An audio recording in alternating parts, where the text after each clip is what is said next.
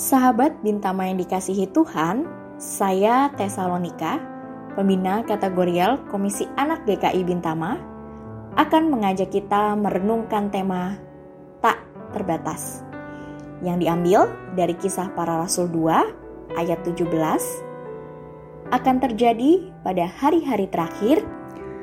Demikianlah firman Allah bahwa aku akan mencurahkan rohku ke atas semua manusia Sahabat Bintama, tak terasa ya, genap sudah satu tahun pelayanan gereja dilakukan secara online.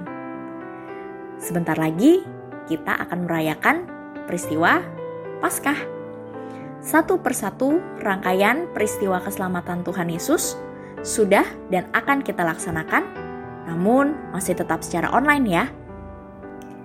Saya teringat, tahun lalu, Paskah 2020, untuk pertama kalinya dilakukan secara online.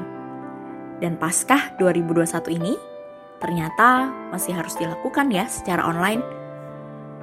Semoga Paskah kedua kalinya yang dilakukan secara online tidak membuat kita patah semangat untuk merefleksikan makna rangkaian peristiwa keselamatan Yesus. Kisah para rasul dua ini merupakan isi khotbah Petrus. Melalui khotbahnya, Petrus menekankan mengenai peran Allah dalam diri Yesus Kristus yang mengorbankan diri serta kemudian bangkit bagi manusia. Rangkaian keselamatan yang dilakukan oleh Yesus ini merupakan rencana Allah bagi manusia agar manusia mendapatkan pengampunan dan menegakkan iman di dalam Yesus Kristus.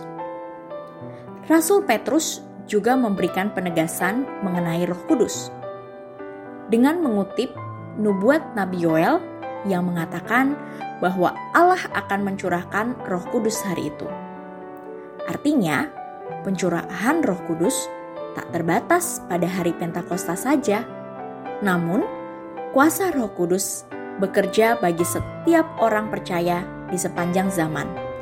Setiap orang percaya memperoleh Roh Kudus yang tak terbatas oleh waktu, termasuk saat ini dikala kita harus menerima berbagai tantangan dan kesulitan hidup, Roh Kuduslah yang bekerja menenangkan hati kita. Di saat kita harus mempersiapkan diri untuk melayani Tuhan di masa pandemi ini, Roh Kuduslah yang memampukan kita.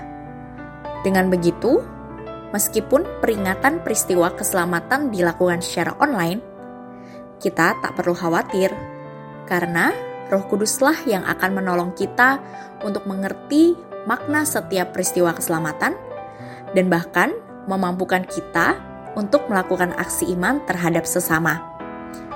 Selamat merasakan kehadiran Roh Kudus hari ini dan selamat menghayati masa puasa.